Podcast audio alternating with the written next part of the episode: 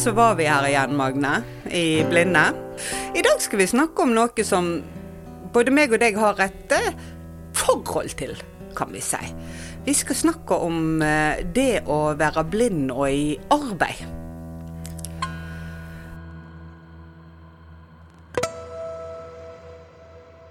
Um, så ja, vi bare lar praten gå, vi.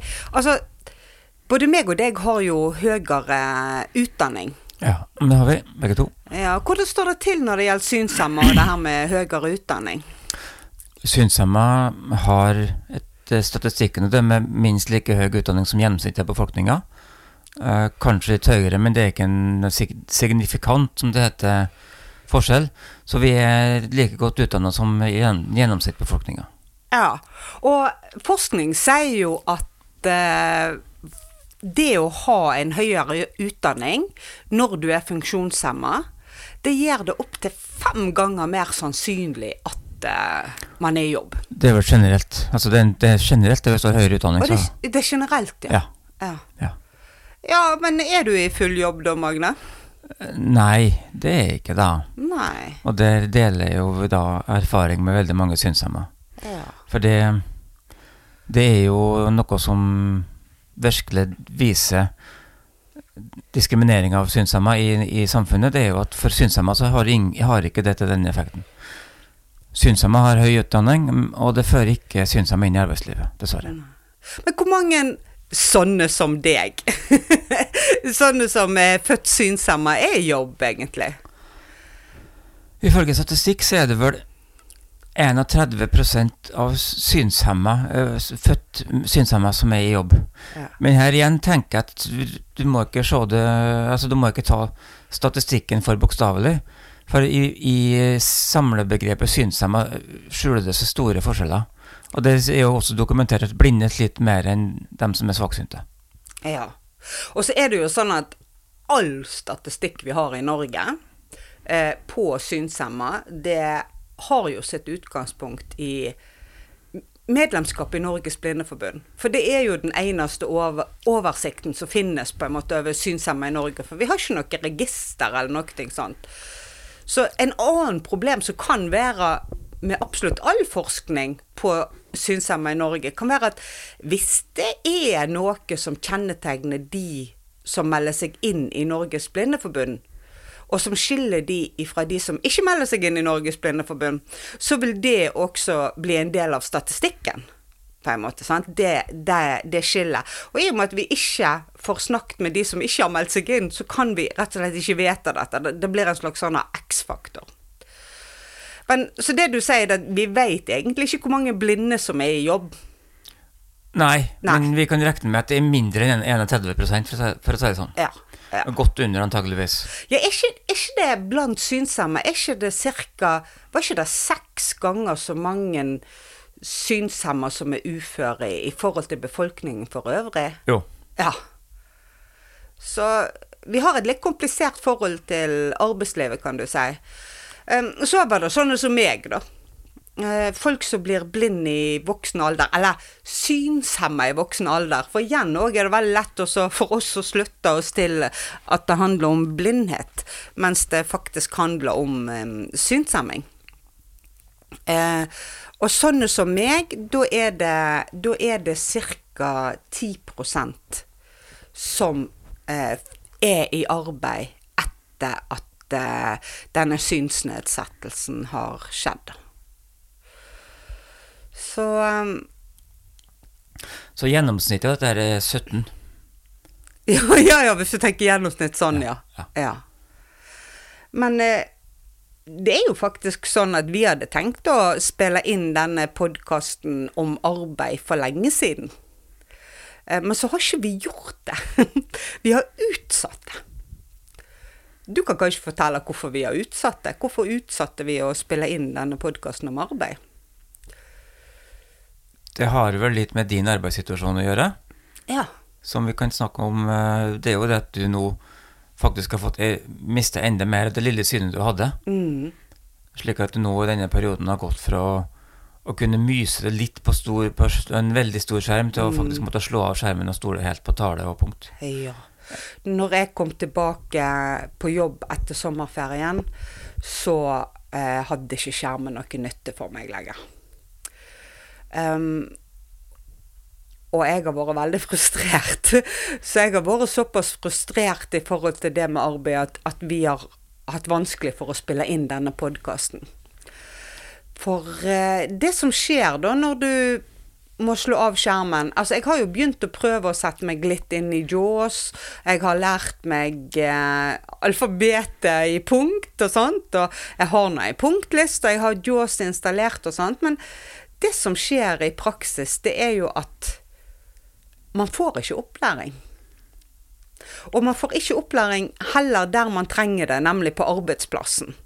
Eh, med de systemene og de tingene som Så plutselig opp, opplever jeg, da, og det er grunnen til at vi har måttet utsette det her Jeg opplever å være førsteamanuensis, høykompetent, senioren på utdanningen, eh, samtidig som jeg har problemer med å betjene ei datamaskin.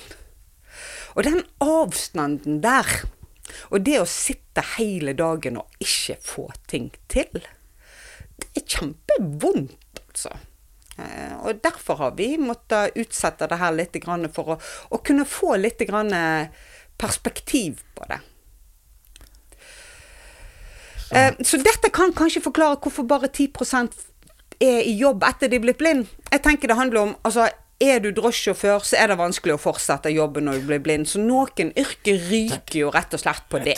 Jeg, tenker at det er nokså naturlig at veldig mange i voksen alder pluss altså, Når du mister synet i voksen alder, så er det ofte sammenheng med sykdom og mye dårlig helse. Ja. Og det må man også ta med i betraktning. Ja. Ja, så er det mange jobber som ikke kan la seg om, omforme til en synshemma hverdag. Ja, og kommer jo an på når i livet du blir blind. Da Si du er 60 år, eller blind, nå snakker jeg blind hele tida, men tallet handler jo om synshemma. Men si du er 60 år. eh, da forstår jeg veldig godt at folk ikke orker å gå igjennom det jeg går igjennom nå. Ja, jeg vil si at når du ser den opplæringa som ikke fins Altså, den som fins, er veldig tilfeldig, og er egentlig helt avhengig av at du kjenner folk som Eller kommer inn på de riktige stedene. Eller at du kanskje også har miljøer rundt en hjelpemiddelsentral som fungerer. Det er på den måten det har fungert. Gjennom, nå har jo jeg levd eh, livet mitt som synshemma, og dette er kjent. Dette har jeg, dette har jeg visst om fra jeg var ung. Det har ikke forandra seg. Men eh, OK. Jeg kan forstå på en måte, Jeg forstår jo meg sjøl litt, på en måte, da, at det er vanskelig for meg på jobben. Jeg forstår når folk får synsnedsettelse i voksen alder, at enten det er umulig å fortsette akkurat den jobben, eller at terskelen blir så høy. Det er så mye du skal lære, og opplæringen blir for dårlig. Så dermed så blir det lettere å pensjonere seg. Og, du har kanskje gode pensjonsrettigheter òg. Så de økonomiske konsekvensene blir gjerne ikke så store. Nei, så du må tenke på det at det er store det, det er, Du skal ha en sterk vilje og, være villig til å ta nokså stor risiko. F.eks. du må starte på et nytt utdanningsløp. Hvis du, bare hvis du er 40, skal du liksom starte helt på nytt igjen. Det kan ikke vente at folk skal ha som utgangspunkt. Men hva med sønnen som deg, da?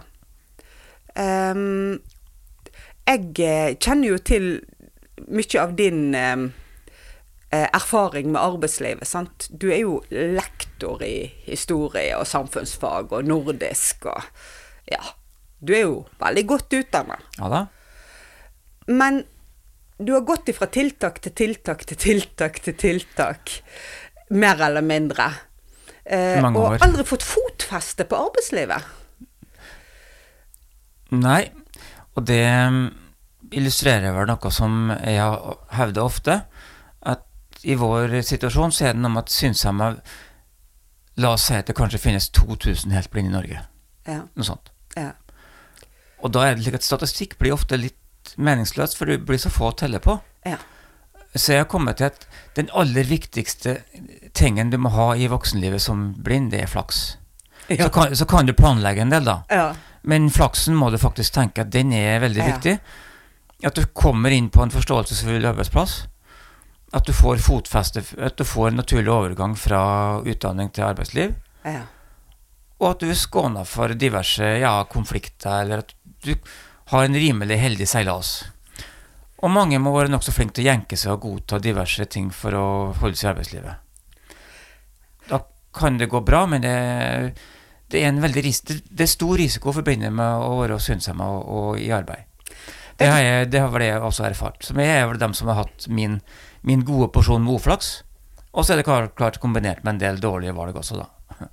Men uflaksen, her er det veldig viktig å tenke på at uh, den som ser, har i utgangspunktet mange flere valg.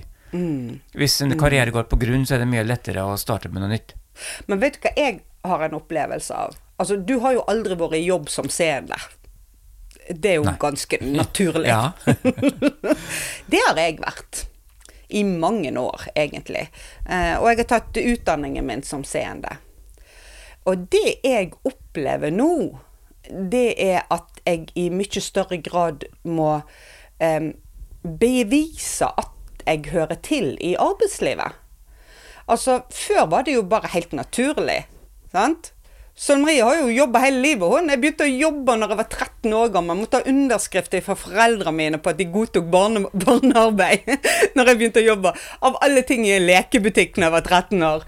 Um, så jeg har jobba hele livet, og det har vært helt naturlig. Det har aldri vært noen som har stilt spørsmål med mine kan du si, kapasiteter og evne til å jobbe. Men nå føler jeg at det blir ofte stilt litt spørsmål med. Det Det er også indirekte ofte. Det er også en, eh, en følge av det å, å være synshemma som jeg har følt på sjøl. Jeg vet om og har opplevd at det er Du, du føler på at just- du, du går opp til eksamen hver dag. Ja. Og det er også en grunn til at jeg etter hvert har blitt veldig nøye med at jeg vil administrere min egen hverdag. Jeg vil ikke ha noen som kan sitte som en slags overdommer og utøve sine egne fordommer på min, på min, på min bekostning.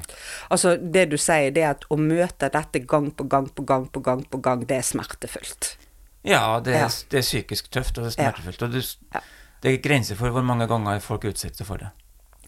Det jeg, eh, jeg tenker på, da, det er at eh, Jeg tenker jo på en sånn episode som jeg bare aldri kommer forbi.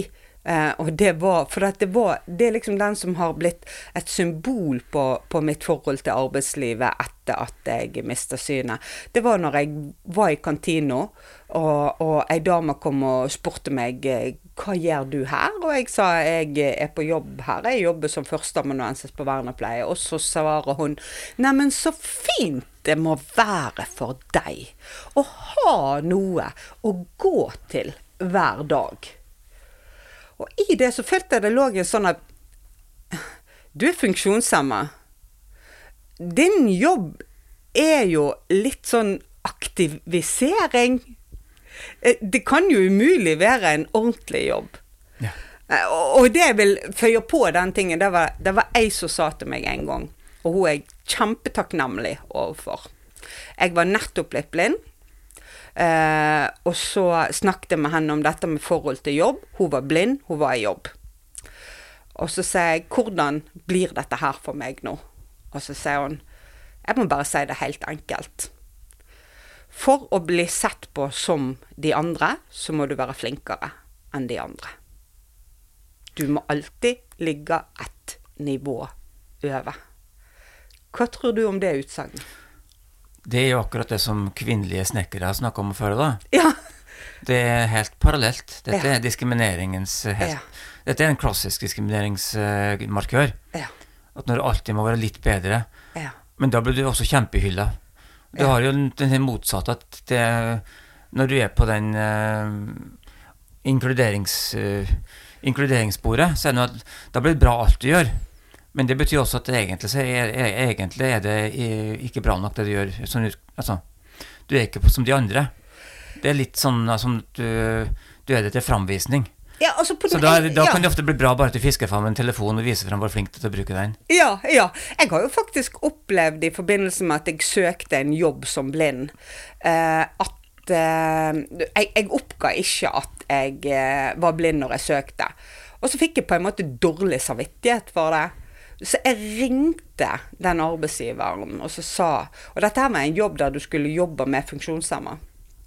Uh, og så sa jeg at uh, Jeg beklager, jeg har ikke oppgitt det, sa jeg, men, men jeg har altså blitt blind. uh, så svarer personen ja, men dette er jo en jobb som innbefatter saksbehandling. Det betyr at du må skrive brev. Hvordan skal du kunne klare det? Og for meg ble det to ting. Punkt én, han hadde sett papirene mine. Han visste hva jobb jeg hadde. Han visste jeg hadde doktorgrad. Han visste jeg var høykompetent. Men pga. at jeg mista synet, så hadde jeg mista evnen til å vurdere hva saksbehandling innebærer. det syns jeg var det ene. Faktisk, Jeg syns i ettertid faktisk er ille. Og det andre var faktisk det at um, han trodde ikke jeg kunne skrive et brev. Nei, men det er jo en godt dokumentert, utbredt oppfatning blant folk, det. Mm. De spør ofte om det, mange. Hvordan mm. du kan skrive på en PC mm. fortsatt. Ja. Det, er, det, er, fortsatt slik, det. Men hva kan vi Hvordan kan vi Altså, vi må leve i å håndtere dette. Sant? Du må håndtere Nå har jo du litt jobb ved siden av at eh, du er uføretrygda. Sant? Ja, jeg, jeg jobber sånn jevnt og trutt, ja. ja. Ja, Vi jobber jo litt nå òg, når vi lager denne podkasten. Ja. Eh, og, og, jeg kjemper jo for å holde meg eh, i full jobb. Men jeg kommer ofte hjem med vondt i hjertet. Med, av ulike grunner. Hvordan tror du at vi skal klare å, å stå i dette? Være i det, leve i det. Du sa opplevd på en måte denne type Å bli sett på denne måten hele ditt liv. Hvordan klarer man det? Du blir på et vis kanskje litt Noen takler det med å trekke seg helt tilbake og, og, og, flykte inn i en egen verden, eller en sånn lage seg nye sammenhenger der de fungerer og føler at de er sammen med likesinnede. Mm og kanskje da sier farvel til mye av sine gamle nettverk og gamle, gamle liv. Mm. Det er jo en, sånn som jeg ser det, veldig trist, for du trenger begge deler. Mm. Men jeg mener at det er noe med kanskje å, å, å forstå det her, å forstå at verden er sammensatt sånn. Ja. Og så kanskje kjenne på frustrasjonen, klare, men samtidig klare å legge den fra seg. Ja. Finne noe som du virkelig er fornøyd med å drive med, som du kan klare å koble, da, koble det bort med. Og så tenker jeg at vi må jobbe knallhardt for å, å, å, å få det bedre. Ja. Og så være forberedt på at det tar tid. Mm. Som sagt, jeg har jo Vi må erkjenne at synshemma gjennom, faktisk gjennom hele den moderne industrialiserte historien hatt jobber som de egentlig har gjort dem sårbare i, i samfunnet. Mm. Um, allerede på 1920-tallet var det jo klaga på at synshemma fikk utdanning som uh, utdannet dem til arbeidsledighet. For de yrkene de fikk, altså håndverksyrkene de ble utdannet til, de var jo allerede da på vei ut. Det var jo allerede maskiner som drev utkonkurrerte dem. Ja. Så det var fattigdom. De ble egentlig utdannet til fattigdom allerede da. Ja, og En del av motivasjonen f.eks. når Blindeforbundet ble starta, var jo rett og slett å hjelpe hverandre med det her å få en inntekt til å kunne klare seg. Og, og, det var jo grunnlaget for at de fikk blindetrygden. En av de første trygdene i Norge var jo faktisk at synsomme har det vanskelig. De var på bunnen. Kunne ikke brødfø seg med det de var såkalt utdannet til. Så de utdanningene som da ga synsomme eh, faktisk jobb, det var jo utdanninger som var ga stabile rammer. Sånn som du kunne, Hvis du var talentfull, så kunne du bli organist. og Du kunne bli pianostemmer. altså Den typen praktiske yrker. som da... Ja, jobbe på sentralbord, sånn telefonbord ja. og sånt, det var jo det veldig mange som, ja. eh, som gjorde. Og igjen, det virker veldig trygt, og, og det var ofte blitt framstilt som glansperioden for synsomme. Altså etter, mm. den tidlige etterkrigstida fra 1950-60-tallet. Mm. For da har de liksom en teknologi som alle synsomme mestrer. Og det er også en grunn til at jeg opplever at veldig mange synsomme er er veldig delt på teknologi. Mange vil holde fast i gamle ting og ønsker ikke nytt. Har veldig, veldig hang til å slå tilbake på en tid som har vært. Mm. Eh, de er litt trumpist der. Ja. um, men det har med at på den tida så var det nokså mange som fikk jobb. Men da skal du heller også ta med godt i betraktning at de industriarbeidsplassene der synshemma var, der var de ikke behandla på like måte som andre. De fikk mm. dårligere betalt ut fra den inn, ut fra en oppfatning om at de da yter mindre. Mm. Men også for, sikkert fordi at de fant ut at de kunne, de kunne gi dem den, den typen behandling. For de var jo liksom lavere på rangsti- rangstigen. Så de, de ja. fikk da kvinnetariffen. Ja, ja, å, ja og selv om de var menn. Ja, ja. Selv om menn. Mm. Og de var de første som måtte gå når det ble rasjonalisering. Ja. Så etter hvert som eh, arbeidskravene steg i industrien og den ble eh, automatisert, så forsvant synsomme ut. Men jeg opplever liksom at vi nå lever i ei tid som på mange måter er litt parallell med akkurat den tida. Den tida med automatisering når veldig mange blinde mister jobbene sine. For jeg føler at vi er i ei sånn tid nå, i og med at ikke det er krav til universell utforming av arbeidsverktøy. Så blir vi på en måte automatisert vekk nå. Altså Hvor mange fysioterapeuter har ikke slutta som fysioterapeuter etter det der teite nye systemet kom for dem, som var umulig å, å håndtere med skjermleser? Nå må man også ta med at fysioterapi er noe annet enn det var. Ja, det er det absolutt. Er Men det mer var liksom dråpen for mange. Ja, ja. Ja. Som gjorde at det ble Og jeg ser på jobben min, det er, det er ikke mange verktøy som kan brukes. Og da er jo spørsmålet Skal man eh, Altså Jeg har pleid å si det sånn. Eh, for meg å være i arbeid, så fungerer mitt forhold til velferdsstaten på denne måten. Velferdsstaten er ikke villig til å hjelpe meg til å klare å gjøre jobben sjøl. Men den vil gi meg mange millioner, sånn at jeg kan instruere andre til å gjøre jobben. Skjønte du den? Ja. Ja. Em, nå, Og det er jo det det blir da, sant? Når vi på en måte blir automatisert vekk gjennom disse eh, programvarene som ikke kan brukes med skjermleser. nå, er vi litt, er vi litt på synsing, Ja! men jeg mener, Ja. men jeg mener vel at, at det er rimelig status quo. Og mener du det, ja? Ja. ja. Har Har det alltid vært sånn? Ja. Men jeg vet ikke noe om før, jeg vet bare nå. Jeg Jeg. vil tro at på 90, Ja. Det er jo en del som tenker på at på 90-tallet så var det en slags periode der det en del synsomme fant seg en nisje i dataverden. Jeg tenker 90-tallet var da når Jaws fungerte. Ja, 90-tallet var på den tida da det fort Før, før alt ble veldig ikonbasert. Altså på Ja. den Det er veldig mange synsomme som har sånn datanerde Eller noen synsomme, som- noe godt voksne som er datanerder, som har eh, våte drømmer om 90-tallet, da, du kunne skrive lange kommandoer i sånn kommandolinje. Mm. Og så funka alt med, med tekst. Mm. Og det var en periode da du på et vis kunne snakke om at du bare kunne plugge det inn i veggen, og så funka PC-en. Mm. Men eh, det var ikke så mange det fungerte. Jeg har også møtt folk på 90-tallet som ble rasjonalisert vekk da de fikk nye, nye system på jobben. Så, det, Mm. eh, så jeg tenker at det her jo, Som sagt, vi er vi Du tenker at det, det er ikke to faser, men det er en kontinuerlig Ja. prosess? det er, Vi er alltid så, Det er alltid en utstøtelsesmekanisme på gang. Ja, det, vi, er alltid, Ja. vi har alltid levd i randsona av arbeidslivet. Ja. Stort sett. Men tror ikke du det er litt av at vi er alltid singla ut òg? Altså jeg tenker, Vi har en bibelsk funksjonsnedsettelse. Eh, blindetrygden, eh, blindetariff, eh, blinde Altså sånn Vi hadde jo ikke engang stemmerett, veldig mange blinde, veldig lenge av at veldig mange måtte ha sånn eh, understøtelse, den gamle sosialtrygden. Sosial- ja, ja, ja. Jeg, jeg føler litt at vi er singla ut til å være hjelpeløs, på en måte. Ja, vi er, der, vi Ja. er dem som på et vis da Det både er et synd på som er verdig trengende, men samtidig så er det så vanskelig å få oss med at uh, vi, det er mye bedre å, å gi en eller annen form for hjelpetiltak enn å, enn å ta oss inn i arbeidslivet på like vilkår. Men øh, skal vi avslutte nå? Vi, vi må komme til en avslutning. Og jeg, jeg, jeg har lyst til å si at det er for meg òg fantastisk å være i jobb. Jeg har brukt hele livet mitt på å utdanne meg sånn at jeg skal kunne være i denne type jobb. Jeg er kommet i en posisjon der jeg er senior. eh, Bare i kraft av min alder, sånn.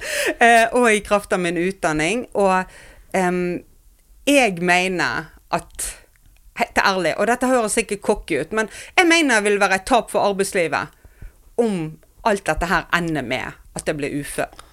Og jeg mener det er et tap for arbeidslivet at du ikke er i jobb.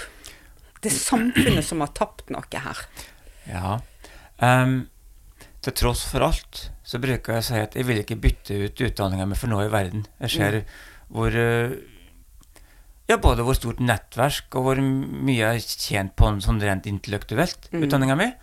Og så er jeg jo veldig Sånn sett så, så er det jo min fortjeneste at jeg klarte, klart, til tross for den motgangen, å omforme til noe som er bra.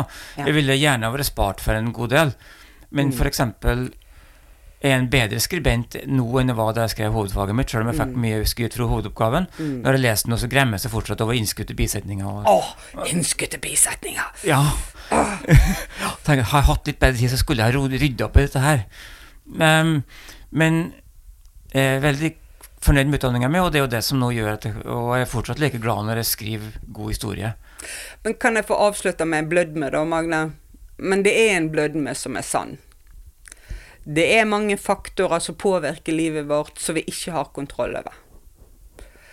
Men hver og en av oss har makt til å gjøre det beste ut av de forutsetningene vi har, og rett og slett lage oss gode liv. Og den makten, den må vi aldri gi fra oss.